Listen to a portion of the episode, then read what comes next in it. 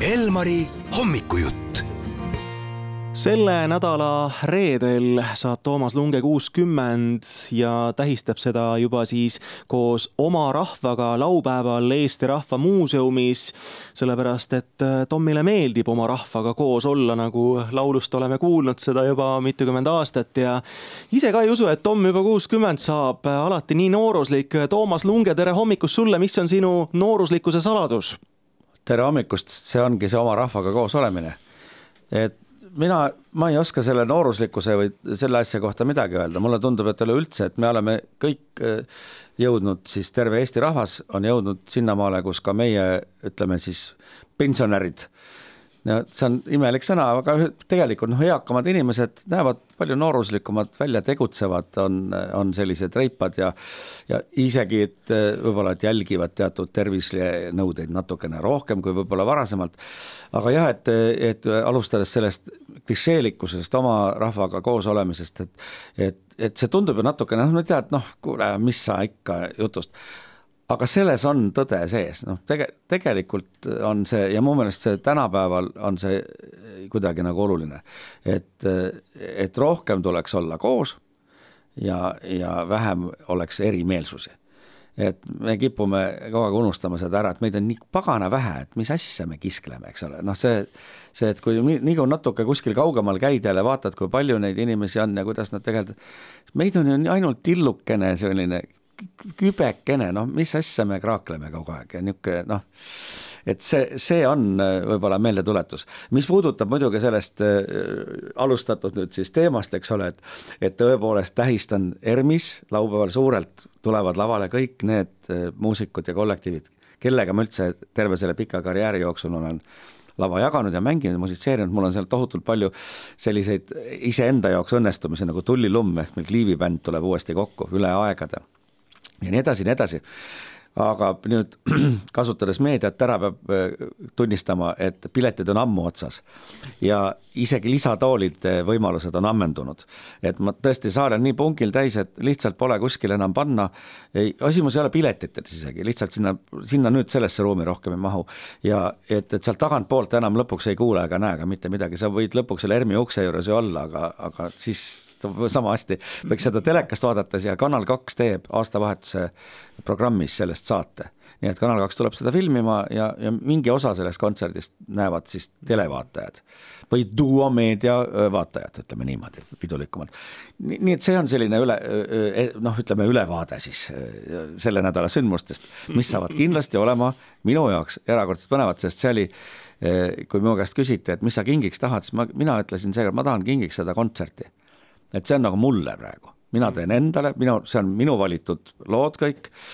Osad on minu lood, osad on need lood, mis mulle endale väga meeldivad, see on minu, minu valitud kõik muusikud, ma ise valisin, noh, mis mul siin ikka väga valida, eks ole, kollektiivid on kollektiivid, aga need daamid, kes tulevad, Liisi Koikson ja, ja Lenna Kuurma, on puhtalt minu valitud, mõlemad teat-, teatud põhjusega, eks ole, ja loomulikult Inga Lung, eks ole kuidas siis ilma. ka teatud põhjusega ju. ka teatud põhjusega pidid sa ütlema, eks ole, aga sellest said ka kõik teised aru, ma loodan.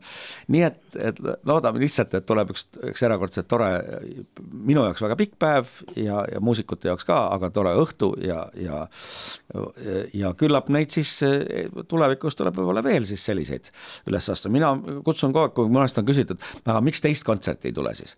vabalt võib tulla, minul on need kollektiivid on olemas, need on elus kõik, inimesed on elus, me võime tulla tulla vabalt igale poole, teha samasugust kontserti veel, aga korraldage palun keegi teine.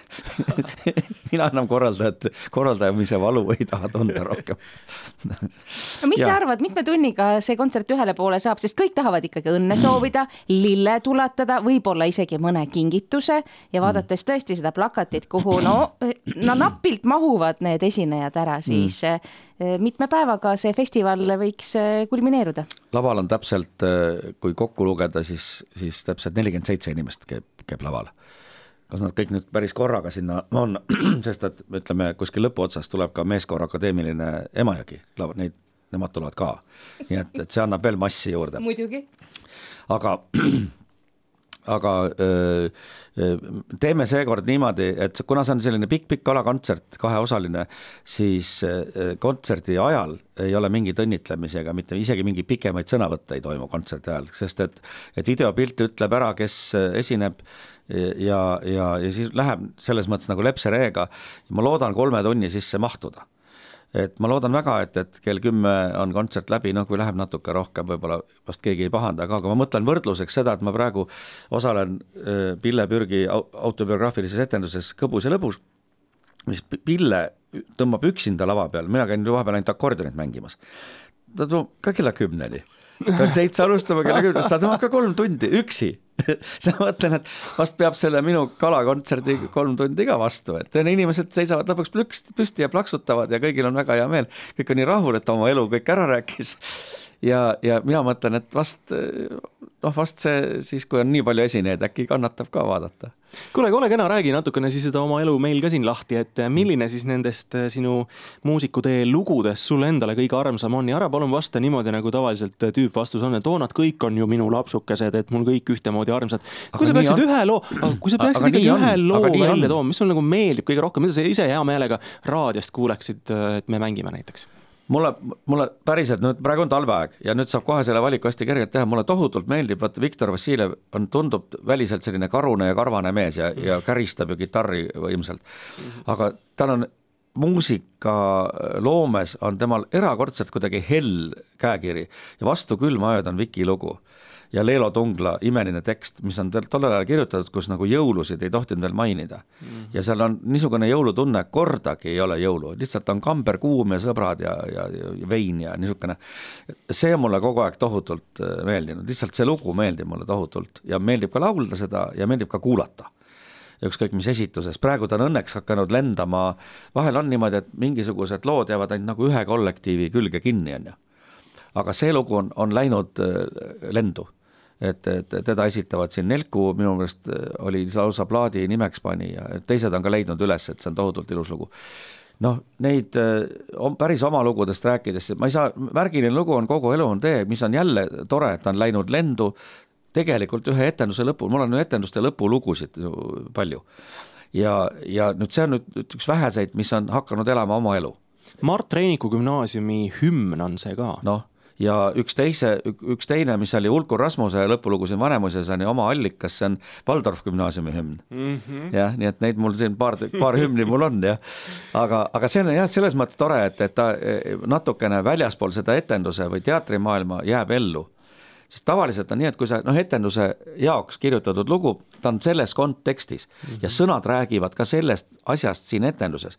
aga nüüd selle Kogu elu tee juhtus lihtsalt, et Peep Puis kirjutaski nii noh, nii üle aegade sõnad, kuna see tükk sai läbi, see teekond sai seal läbi ja siis see oli nagu selline noh, natuke tagasi ja tulevikku vaatasin, selline filosoofiline tekst ja sobib kogu aeg.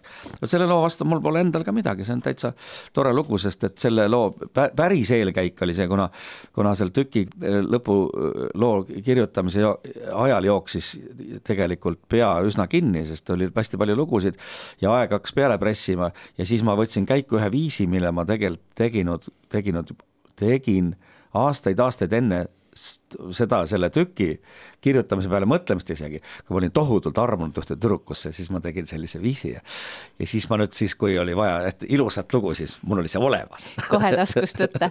no nüüd me oleme keerelnud siin äh, ümber selle kontserdi, äh, rääkinud sinu tegemistest, aga me ei ole öelnud seda kõige tähtsamat, hea Toomas. palju õnne sünnipäevaks, sest me lubame, et reede hommikul, äh, kui see ilus number ette veereb, me sulle ei helista ja sind nii vara üles ei aja. võta vastu meie kogu Elmari parimad õnnesoovid ja et see tee meie juurde ikka ei rohtuks.